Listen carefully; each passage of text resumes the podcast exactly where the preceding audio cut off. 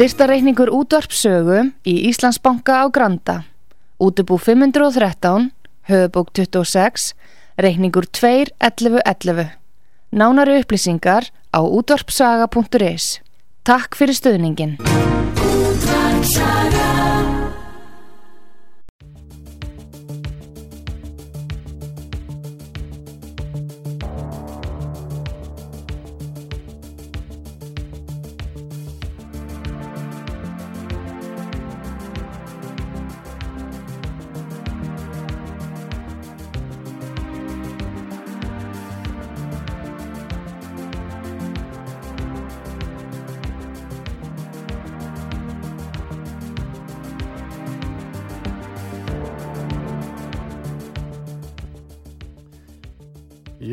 Kæru lustendur komið sæl, ég heiti Arnar Þór Jónsson og um, ég kem hér uh, beint, má segja, úr jarðaför, það var, ég var að fylgja góðum vinnum mínum til grafar núna áðan og er nú svona kannski fyrir vikið á svolítið heimsbyggjulegum nótum. En í bland uh, verður þetta svona pólitísk umræða í lagalögu og vísindalögu og samfélagslegu samhengi og hugsalega einhvers konar umfjöllunum mentamál og vísindi. Þannig að þetta er svona daldið óskrifa blað. En uh, ég ætla að byrja ykkur um að hugsa aðeins með mér í tilefni að því sem við erum að nefna hérna á þann bara þá vegferð sem við erum á sem einstaklingar og sem þjóðfélag. Og ég fór að hugsa þetta áðan sko að það má segja að svona frá fornu fari ef við hugsaum um þetta svona heimsbyggilega að þá hefur það verið stefna manna að lifa góðu lífi, ég held að við getum nú öll verið sammála um það, við viljum lifa góðu lífi. En hvað þýðir það að lifa góðu lífi? Og um, það sko ef við horfum aftur til Gríklands að þá hefði má sjá að Sókrates hefði viljað svara þessu á þá leið að hann var alltaf að spurja sig hvernig lifum við sem best? Og þá fór hann að veltaði fyrir sér við þurfum að lifa út frá bara því sem við erum hvernig við erum gerð, hver eru hæfileikar okkar, hvar getum við látið gott af okkur leiða? Og hvar er líklegast að við getum blómstrað? Og um, hann taldi að á þessum grunni að fræ, komið fram þessi frægu orð að órannsakað líf væri einskis virði. Og önnur þýðing þetta er auðvitað þýðing hérna í í uh, útgáfu íslenskri hérna útgáfu bókmentafélagsins að önnur þýðing hefði geta verið óígrunda líf er einskis virði. Þannig að við þurfum helst daglega eða reglulega í það minnst að hugsa um þessar spurningar og velta þessu fyrir okkur. Hvernig lifum við sem best? Hver eru hæfileikar okkar? Hvar getum við látið gott af okkur leiða? Og hvar er lík, líklegast að við getum blómstrað? Og um, því minna sem að menn hugsa um þessu atriði, því minna sem menn ígrunda lífsitt, því auðveldara er væntalega að svifta þá frelsinu. Þannig að sjálfstæð hugsun um þau atriði sem ég nefndi hér áðan er væntanlega ein megin forsenda frelsisins og væntanlega þá ein megin forsenda líðræðisins svo að það er svona umhugsunarvert þetta sko við höfum verið sem samfélag og sem mannkinn í árþúsund að leita að því að lifa þessu sem kallað hefur verið því góða líf og verið að stefna því að finna og verja það sem við getum kallað fagurt og gott og satt. En ef við horfum yfir sviði núna uh, og kannski síðustu ár eða jafnvel, við getum farið lengar aftur í tíman þá er svo hugsun áleitin hvort að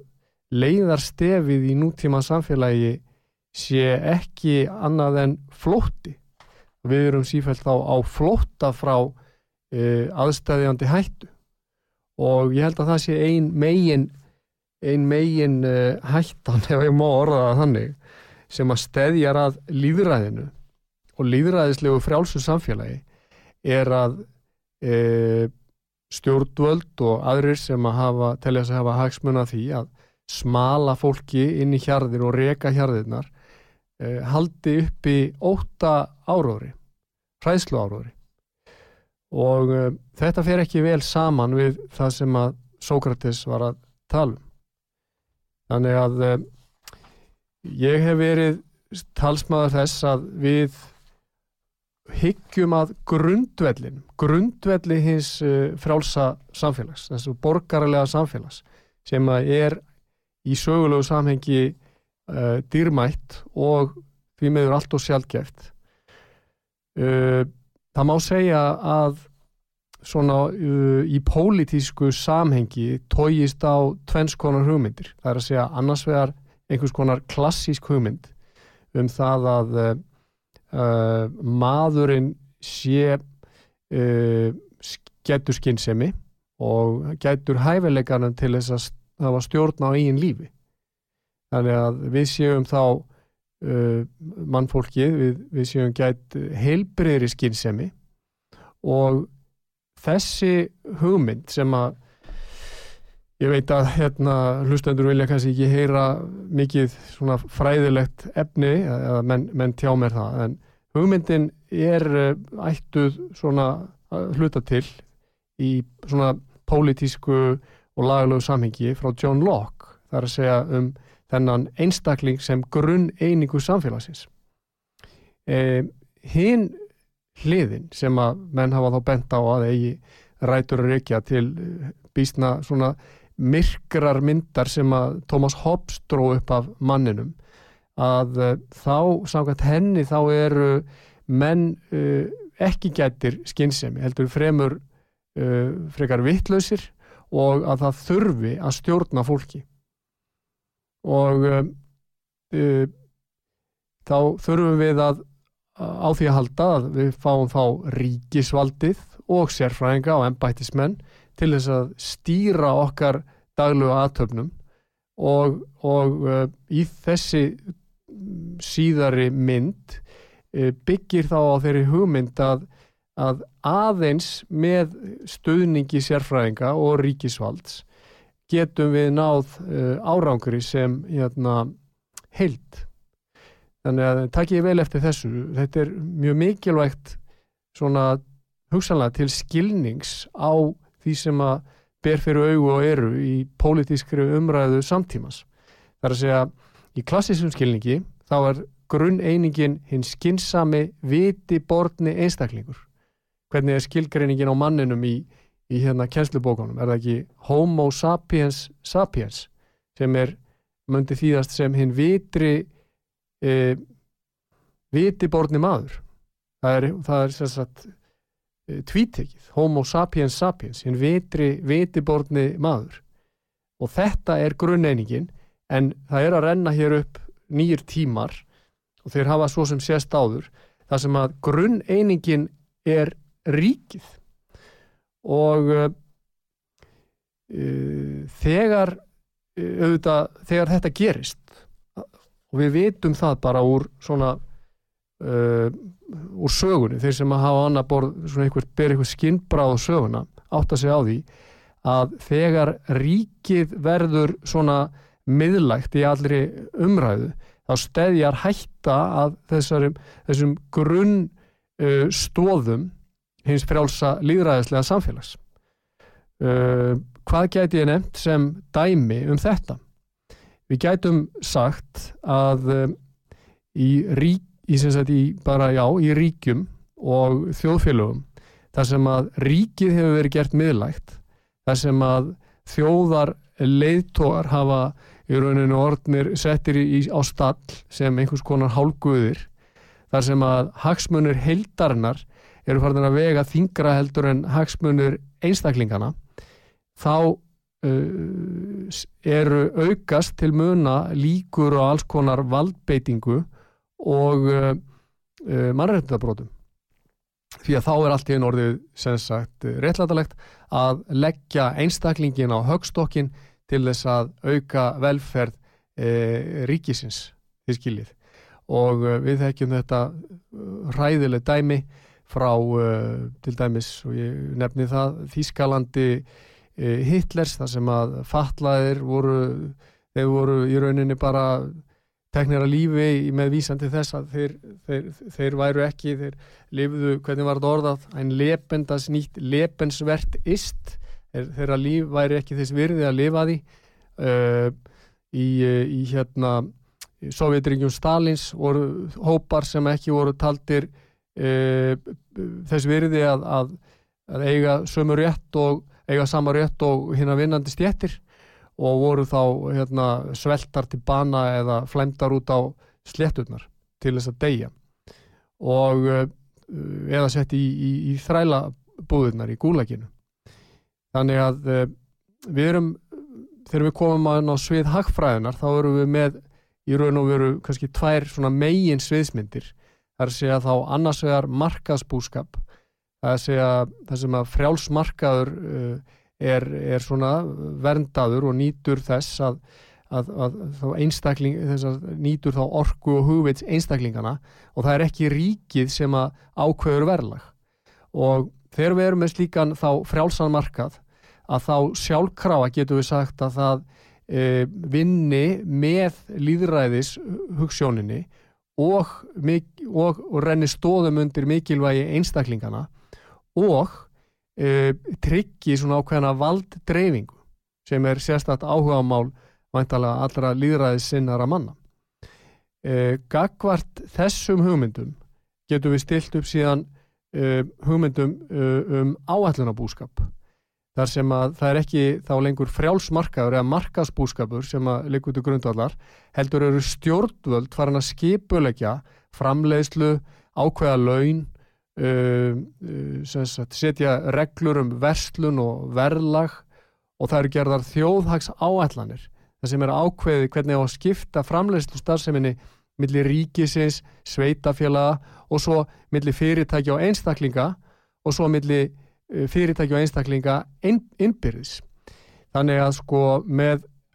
þegar að áætlunar búskapur er orðin svona miðlægur í öllu að þá leiðir það til þess að ríkisvaldið uh, er þá bara að styðja við vitandi eða óavitandi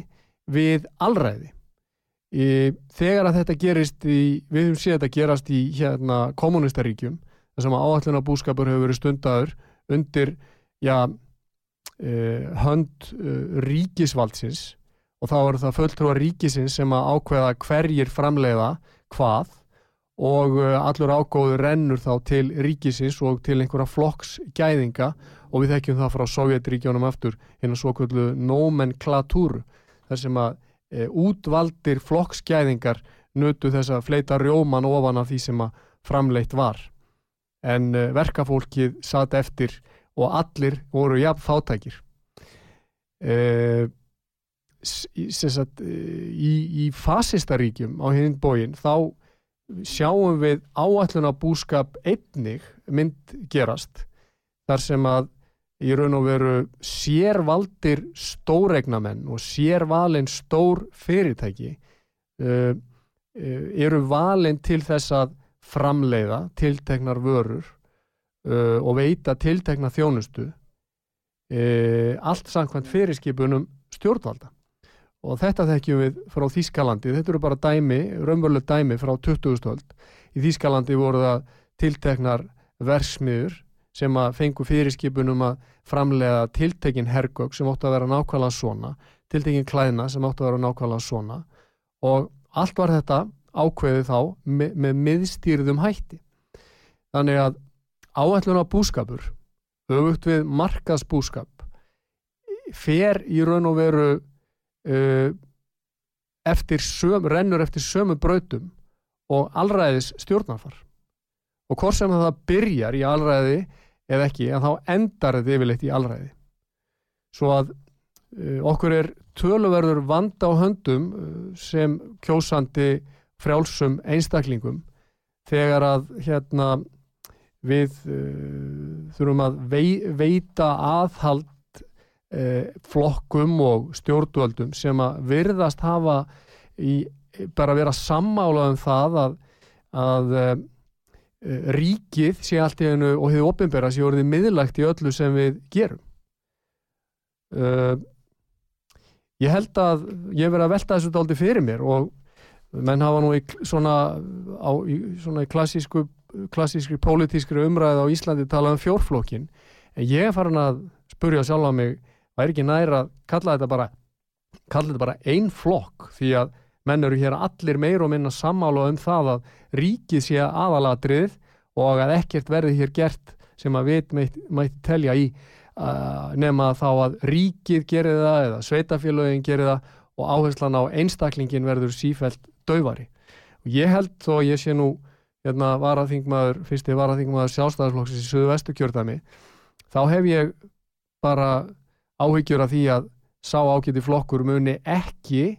geta náð svona vopnum sínum aftur fyrir en að hann slítur sig úr, úr þessu kæfandi faðumlægi við þennan einn flokk og marka sér stöðu þar sem honum er í rauninni ætlað að standa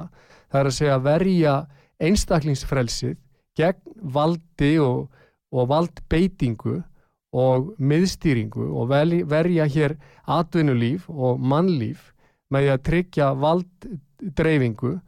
og verja hér síðast en ekki síst tjáningafrelsi og verja sjálfstæði fjölmiðlana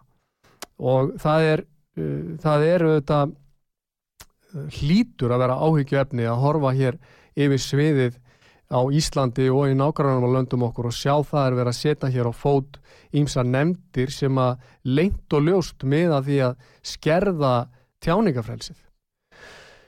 Uh, ég held að uh, ef við ætlum að feta braut þöggunar, ef við ætlum að feta þá braut að, að þakka niður í fólki sem er óþægilega skoðanir, hugsanlega vondar skoðanir, að þá erum við að svíkja vísindin og þá erum við að í raunin að fremja einhvers konar árás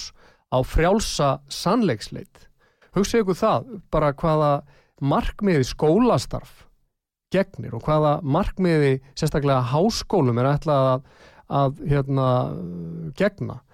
Að sko háskólinn, hann á að vera fyrst og fremst, myndi ég halda,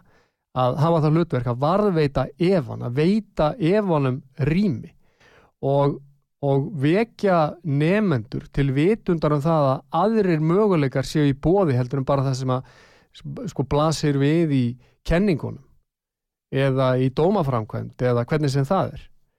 Uh, og skata, skapa andrúsloft þar sem menn þóra að hugsa og tjá hugsanir sínar og taka til máls án þess að verða þurfa að óttast það að þurfa að hérna, verða sæta árásum eða að uh, þurfa að óttast það að, að þeim verði bórið að brína þegar við móðgað uh, hinn eða þennan. Það, það var hérna góðu maður sem saði við mjög um daginn og hafði það eftir japanskum uh, student í bandarískum háskóla. Hann saði, hann saði við profesorinn sinn, þessi japanski student, eh, nefndum í bandarískum háskólum er ekki lengur kent hvernig er ég að hugsa eh, nú, saði profesorinn hvað er þeim kent? Jú, þeim er kent núna hvernig er ég að móðgast og það er doldið til í þessu því að sjálfur hef ég uh, lend í því sem betur fyrir kannski bara einu sinni tvissar og nýlega að sko þegar ég er að reyna að eiga samtal við fólk bara það sem að maður er mitt hérna, upphátt og, og annars líkt og heldur um að þessi frjálsur umræð að þá er umræðinni kift út af teinunum uh, með vísandi þess að viðkomandi viðmælandi minn sé svo móðgæður í, í rauninni þegar þetta gerist og uh, fólk vil fara að ræða við ykkur tilfinningar sínar í staðin fyrir að halda áfram að ræða málefni sem var áður til umræðu þá er í rauninni hérna, þessari umræðu lokið og það er alveg eins gott að bara hætta henni vegna þess að ég gerir á fyrir að við séum fæst sérfræðingar í tilfinningum annara uh, ef við ætlum að vera vinir líðræðis og tjáningafrelsis að þá eigum við að einmitt að standa vörð um þenn þetta sem ég nefndi á þennan Eva. Og það má segja að að margt það sem að við leggjum til grundvallar eða ekki í okkar þjóðfélagi og okkar vísindum í dag hafi verið mjög umdelt deilt í upphafu þótt ég að vel mjög ljótt og augrandi þegar það kom fyrst fram á sjónasvið. Við hugsim bara um Galileo og hugmyndir hans um sólmiðjukenninguna. Þá vakti þetta auðvitað heilmikla reyði og, og margir eflaust kosið að móðgast út af því. En, eh,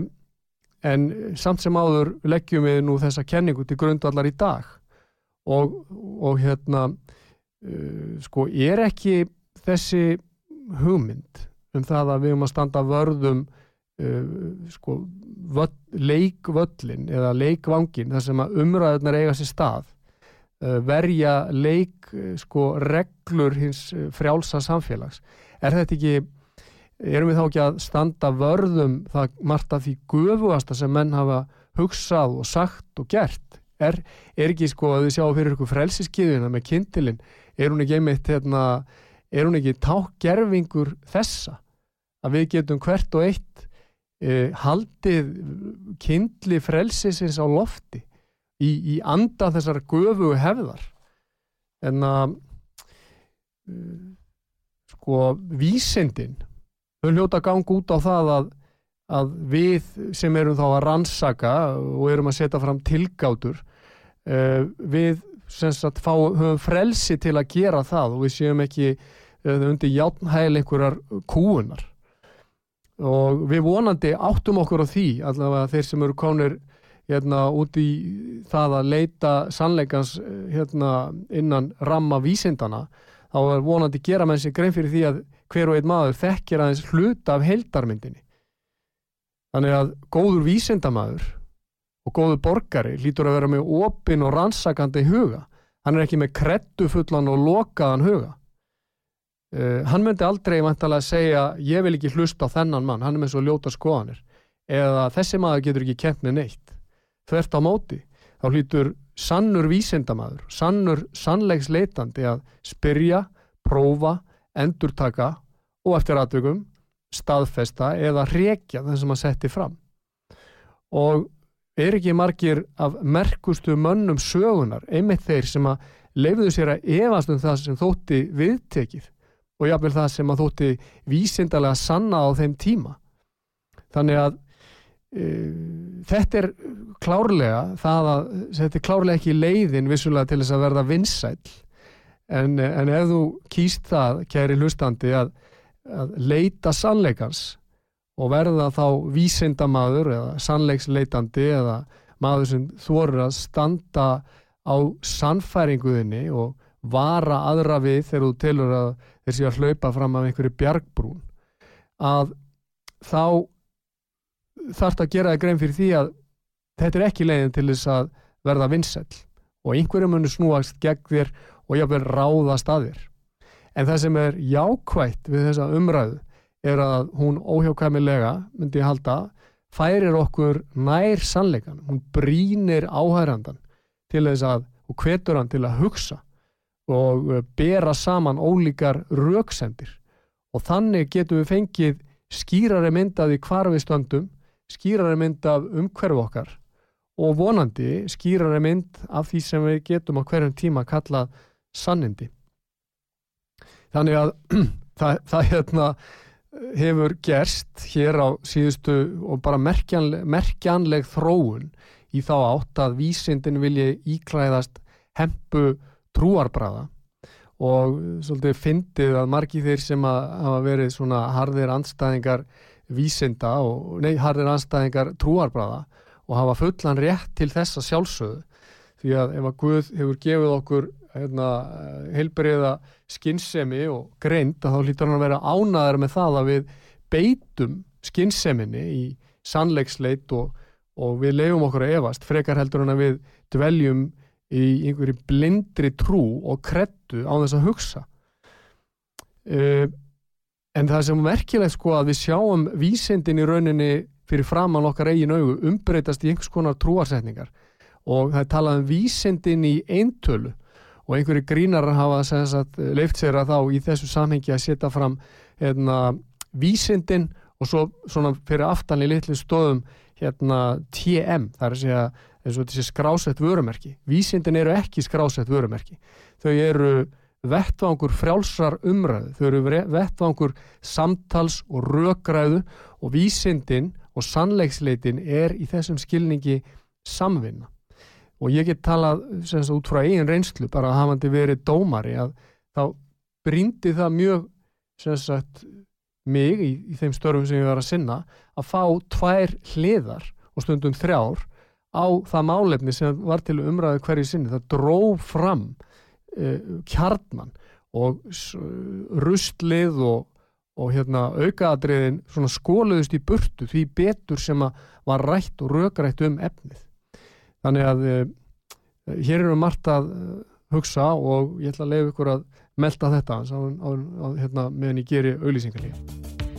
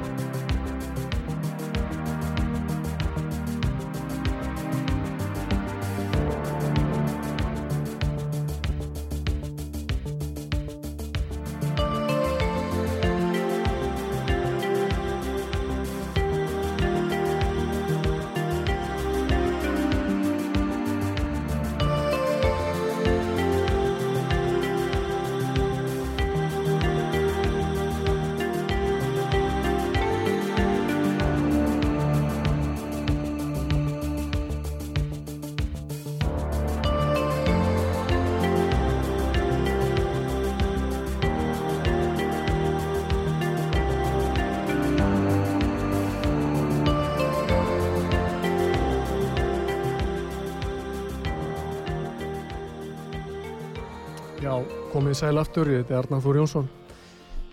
Ég var fyrir luta þáttarins að ræða hér um sannleiksleitina sem fyrir vel á, fyrir vel á því því að ég hef gefið þessum þætti mínum yfirskriftina uh, ég leita sannleikanum. Og ég í rauninni sitt hér bara til að hveti ykkur til þess að leita sannleiks. Hérna vegna þess að við lifum á svo sérstökum tímum og það má segja að ég var að tala á húnum það sem ég kalla einflokkin þar sem að allir verðast vera sammálum það að ríkið sé aðalmálið einstaklingurinn hverfur í skuggan uh, og þá hverfur í sko, þá hverfur út úr stjórnmálum þessi nöðsynlega hugmyndafræðilega rökræða. Ég var að tala um rökræðan á hann og mikilvægi hennar. Að sko viljum við búa til stjórnmál það sem er ekki lengur hérna raunveruleg sko hugmyndafræðileg uh, umræða. Er það æðsta sem við getum hugsað okkur varandi stjórnmálin eins og rittstjóri frettablasins síndist mér verið að gera gefa í skinni í síðustu viku að e, þau besta tegund stjórnmálana væri á miðjunni þar sem ekki væri lengur rætt um einhver hérna, raunveruleg málefni. Og ég las það út úr þessum leiðara frettablasins, gæti það verið á þriðu daginn í síðustu viku að, að það væri þá bara best að, að afhenda uh, sérfræðingunum völdi og uh, leifa þá öðrum að, að hafa sagt, ját okkur undir vald þess sem að rittstjórun kallaði vísindalegt vit og afsal okkur öllum öllu því sem að heitir evasemdum. Þetta tel ég að sé alveg sko ég ætla bara ekki að vera mjög hérna, orð þetta ekki hafa mjög eins, stór orð, ég gæti haft það svona ef ég væri ekki í beitni útsendingu. En ég til að þetta sé í raun og veru stórkoslega háskalega hugmyndafræði. Vegna þess að þarna byrtist það sem ég var að tala um hérna í upphafi. Uh, ef að það er einn æðsti draumur rít stjórans og þeirra sem að aðhyllast svona valdbóðs stjórnun að einstaklingarnir í rauninni hætti að evast og láti stjórnast að því sem hann nefndi í reittstjórnapislinum vísindalegt vit þá erum, við, þá erum við ekki lengur í líðræði þá erum við komin inn í það sem á ennsku heitir technocracy það er að segja að við erum komin inn í í raun og veru bara skrifræði og sérfræðingaræði. Og reittstjórin í þessum hérna, reittstjórnapistli þá í frettablaðinu fyrir viku talaði jafnframt uh, mjög lofsamlega um Európusambandið. Nú, ég hef sjálfur hérna, bara beðið fólkum að gjalda varhug við, Evró, við sko þeim stjórnarháttum sem eru sjáanlegir í Evrópusambandu. Ég er engin harður sko Evrópusambands hérna andstæðingur. Ég myndi ekki vilja láta teikna mig upp sem slíkan. Ég bara er á móti því að í raun og veru það slittni þráðurinn millir valdsins og borgarana. Valdhafar í frjálsu samfélagi verða að sæta ábyrð og svara til ábyrðar gagvart kjósendum og borgurum. Og ef við ætlum að slíta þann þráð sem að mér hefur sínst að Európa-sambandi í núverandi mynd sé og góðri leið með að gera, að þá erum við í hérna, verulega veikri stöðu sem borgarar og, og hérna, setjum okkur í, í óþarlega mikla hættu á þessu endurtekna stefi sem byrtist í mannkynsugunni sem er allræðis ógnin. Vegna þess að vald sem að nýtur ekki neitnar neitis aðhalds það spillist, það vita það allir. Og það er ekki kenning, þetta er bara raunverulega það sem við getum dreyið, þá svo álitum sem við getum dreyið af mannkynsugunni og maðurinn í sjálfsvegar hefur lítið kannski ekkert breyst frá því að sögur hófust. Margir af þeim sem eru svona kallað sig sagt, framfara sinna en að gæsalappa og eru progressive eins og það er kallað í, í bandaríkjónum þeir, þeir trúa því að, að við sem að nú lefum stöndum miklu framar heldur en þeir sem til dæmis byggu eða voru upp á miðöldum. Um, en ef við horfum í kringum okkur á bara samfélagsmiðlunum og horfum á þann aðsúk sem að uh, menn verða fyrir þar sem að ekki uh, gangi í takt við hjörðina að þá hlýtur að renna upp fyrir okkur að við erum uh, nákvæmlega sama dýrategundin og þeir sem að kvektu eldana á, á, í galdrafárinu og þeir sem að uh, hérna, dæmdu Sókrates til, til bana, til dauða og svo framvegs og hérna, þegar ég bjó í Englandi þá var ég spörður að því sko hvort að ég hérna, læsi fyrir börnum mín og ég sagði já, ég veri, var þá að lesa hérna, njálu fyrir sónminn og menn spurði hvað akkur þetta að lesa það ég sagði við á það er bara til þess að, að hann skilji að uh, maðurinn og manns eðlið er í rauninni ekkert breytt. Við erum að fást við sömu eðna, þætti við sem núlifum og, og þeir uh, menn sem að höfundu njálu var að lýsa. Það er græðkin og það er hégóminn og, og það er valda fíknin og, allt þetta. Þetta eru bara gegnu gangandi stef og þess vegna hafa menn sagt til dæmis að Shakespeare og svona klassíska bókmentir eru frábær undirbúningu fyrir lífið til skilnings á sagt, því sem að við er að etja sem er þá ekki síst bara við sjálf, ekki sagt, þú og ég að við erum okkar verstu, má segja óvinnir í lífinu hégóminn og hræðslan og og hérna uh, eftir sóknin, eftir vindinum. Ég menna hverjum er ekki sama þó að þú verður uh, framkvæmda stjóri í þínu fyrirtæki eða yfir maður yfir deildinni það sem þú ert að vinna. Hverjum er ekki sama þó að ég hafi hérna, hefði getað haldið áfram að vera dómari orðið landsettardómar eða hæstarættdómar. Ég er ekki öllum alveg nákvæmlega sama og, og raunar þegar ég var að, að hugsa um það, mér er bara mér er bara persónulega algjörlega sama vegna þess að þetta er eftirsókn eftir vindi, þetta er bara hegómi í því, í því samengi er svolítið áhugavert, ég lærði nýtt orðnefla um daginn sem er orðið eðna, ég veit ekki hvort þetta er til sagt, orðum þetta á íslensku en ég var að ræða við eðna, óvinnsælan mann augljóslega, því að engin íslensku fjölmiðil vildi ræða við hann. Það var bara eins og hérna, uh, vondikallin sjálfur hefði verið komin hérna, til landsins það var bandarísku profesor sem heitir Mark Crispin Miller. Og uh, mér fannst uh, svo áhugavert að menn, hérna, uh, bladamenn sem þykja laun fyrir það að þá væntalega varpa ljósi á stöðum mála frá ólíkum hliðum vildu ekki ræða við mannin en ég gaf mér nú tíma til þess og fór að hitta hann og hann kendi mér nefnilega nýtt orð og orðið á ennsku er karriérism og hvað, hvað átt hann við með því? þá var hann að tala um það að það sem við erum að kljást við á Vesturlundum og er ein rót þeirrar svona líðræðis hættu sem að stedjar augljóslega að. Þar sem að uh, í raun og veru stjórnarskrár hafa verið sniðgengnar á þessum COVID-tímum. Þar sem að í rauninni vís, það er gerð atlagað vísindalegri hugsun út frá því að sömt má ekki gaggrina þar sem að í rauninni líðræðið er í stór hættu vegna þess að, að tjáningarfrelsið er, er lengt og ljóst uh, heft að þá vildan meina að það sem að í rauninni gerða verkum að þetta svona uh, uh, þessi þessi óveður skí hrannast svona upp eins og við sjáum uh, allt í kringum okkur.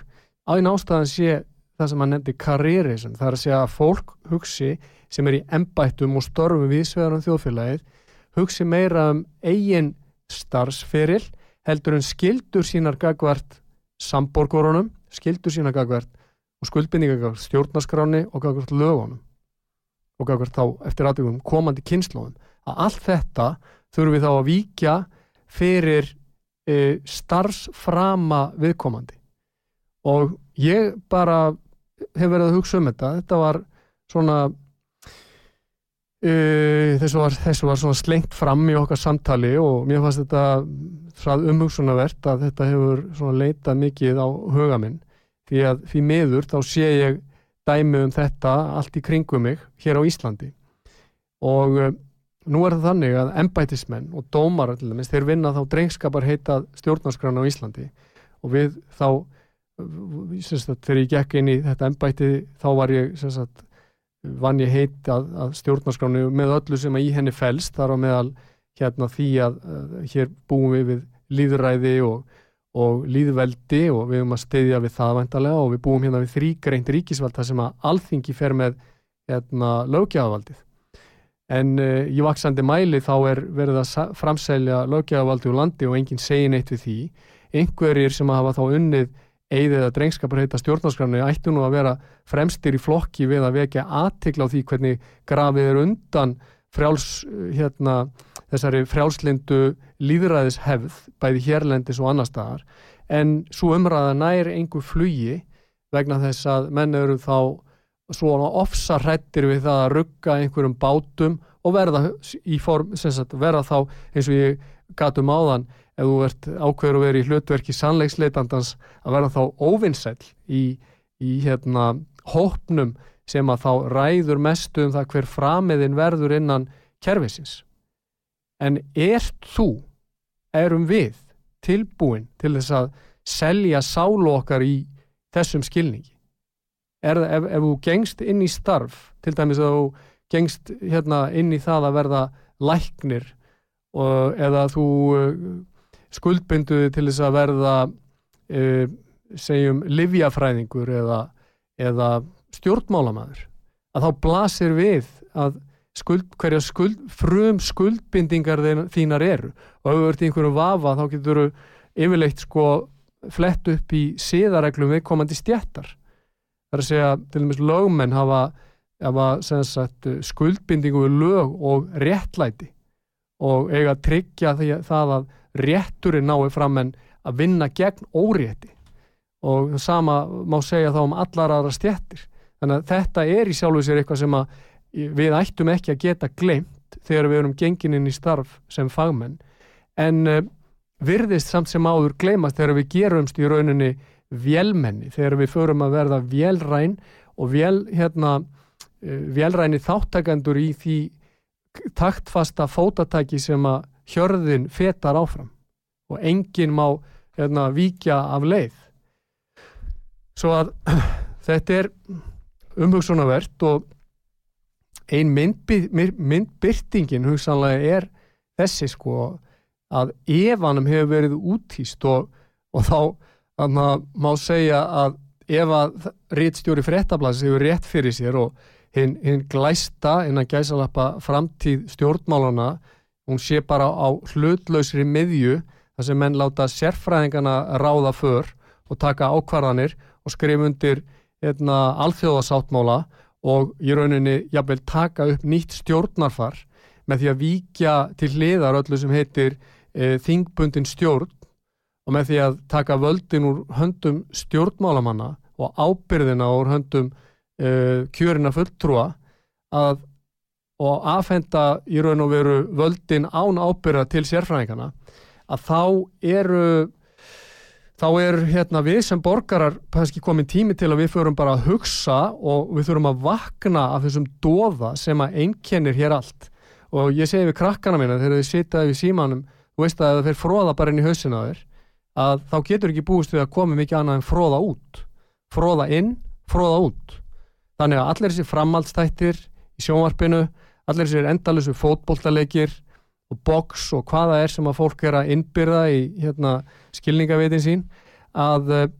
að við, við berum ábyrð við hljótum að bera ábyrð ef við viljum lifi frjálsum samfélagi ef við viljum fá að kjósa að þá ber okkur að vera upplýst og geta rætt hlutina án þess að hverfa ofan í þá hólu að þurfa að móðgast eða að framselja alla hugsun einhverju kennivaldi sem við berum svona mikið tröst til. Hugsa ykkur það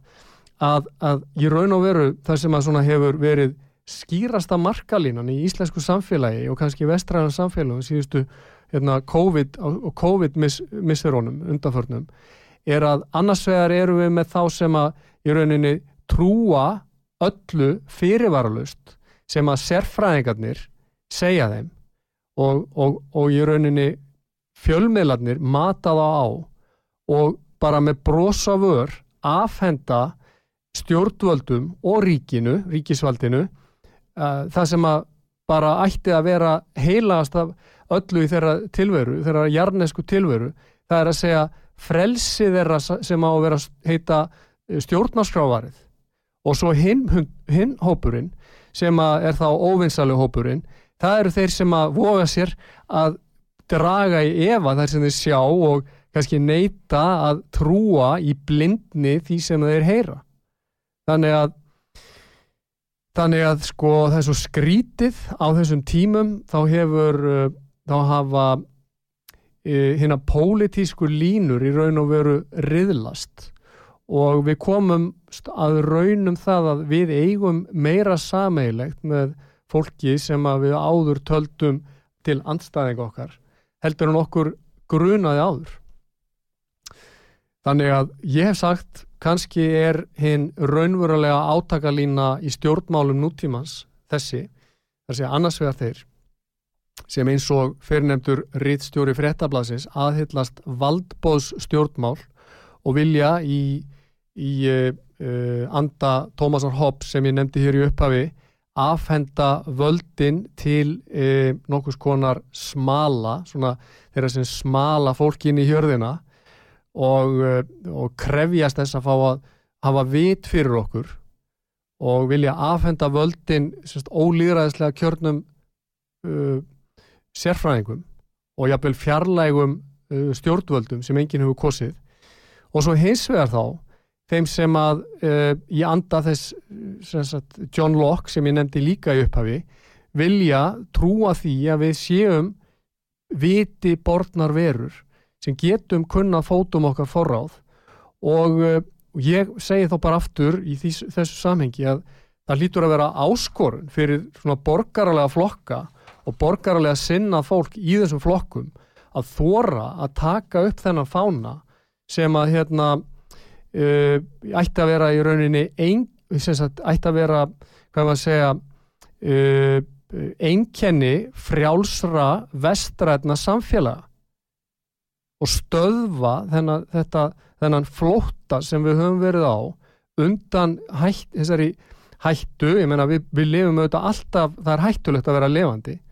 en það er líka bara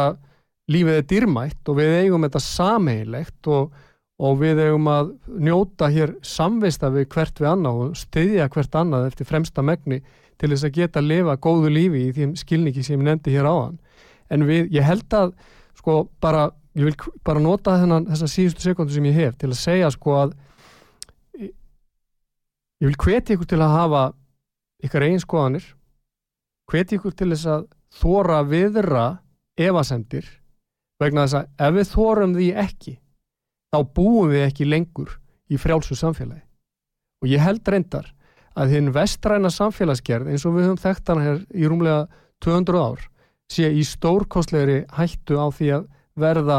ófrjálslind, verða stjórnlind, að verða valdbóð stjórnmálum að bráð og uh, hérna, ég held að ef að þetta heldur mikið lengur áfram þá verðum við að viðkjanna að hinn vestræni heimur sé bara alls ekkit frjálslindur lengur og sé í raun og veru ekkert líðræðislegur lengur. Þannig að ábyrðin, hún kvílar á mér hún kvílar á ykkur og nú er komin tími til að við vöknum úr þessum dóða. Auðvitað er einhverju sem vilja bara vilja fá að sofa áfram. Einhverju sem vilja bara fá að halda áfram að horfa Netflix og segja bara ég ætla að láta sérfræðingarna ráða, ég ætla að trúa öllu sem er sagt í fréttonum. Eða draga okkar eigin álektanir, opna augun, hugsa og þóra að taka þátt í rökgræðum og segja þá við fólk sem að segja eru þú út að móðka mig, segja við ekki að leiðilegt en ég vildi gætna að fá að halda rökgræðin áfram. Og svo getum við þá rætt um tilfinninga þínar sko síðar. Þannig að uh, hugsalega uh, er uh, hefur mig tekist á þessum örfá mínútum að vekja einhvern og ef það er ekki þegar nema eitt hlustandi sem hefur vaknað að þá er þessi, þessum tíma mínum kannski varið til einhvers góðs og kannski verður það þá til þess að ég kem aftur hér í útasal og held aðra slíka tölu. Uh, en ég þakka þeim sem lítu og ósku ykkur góðra stundar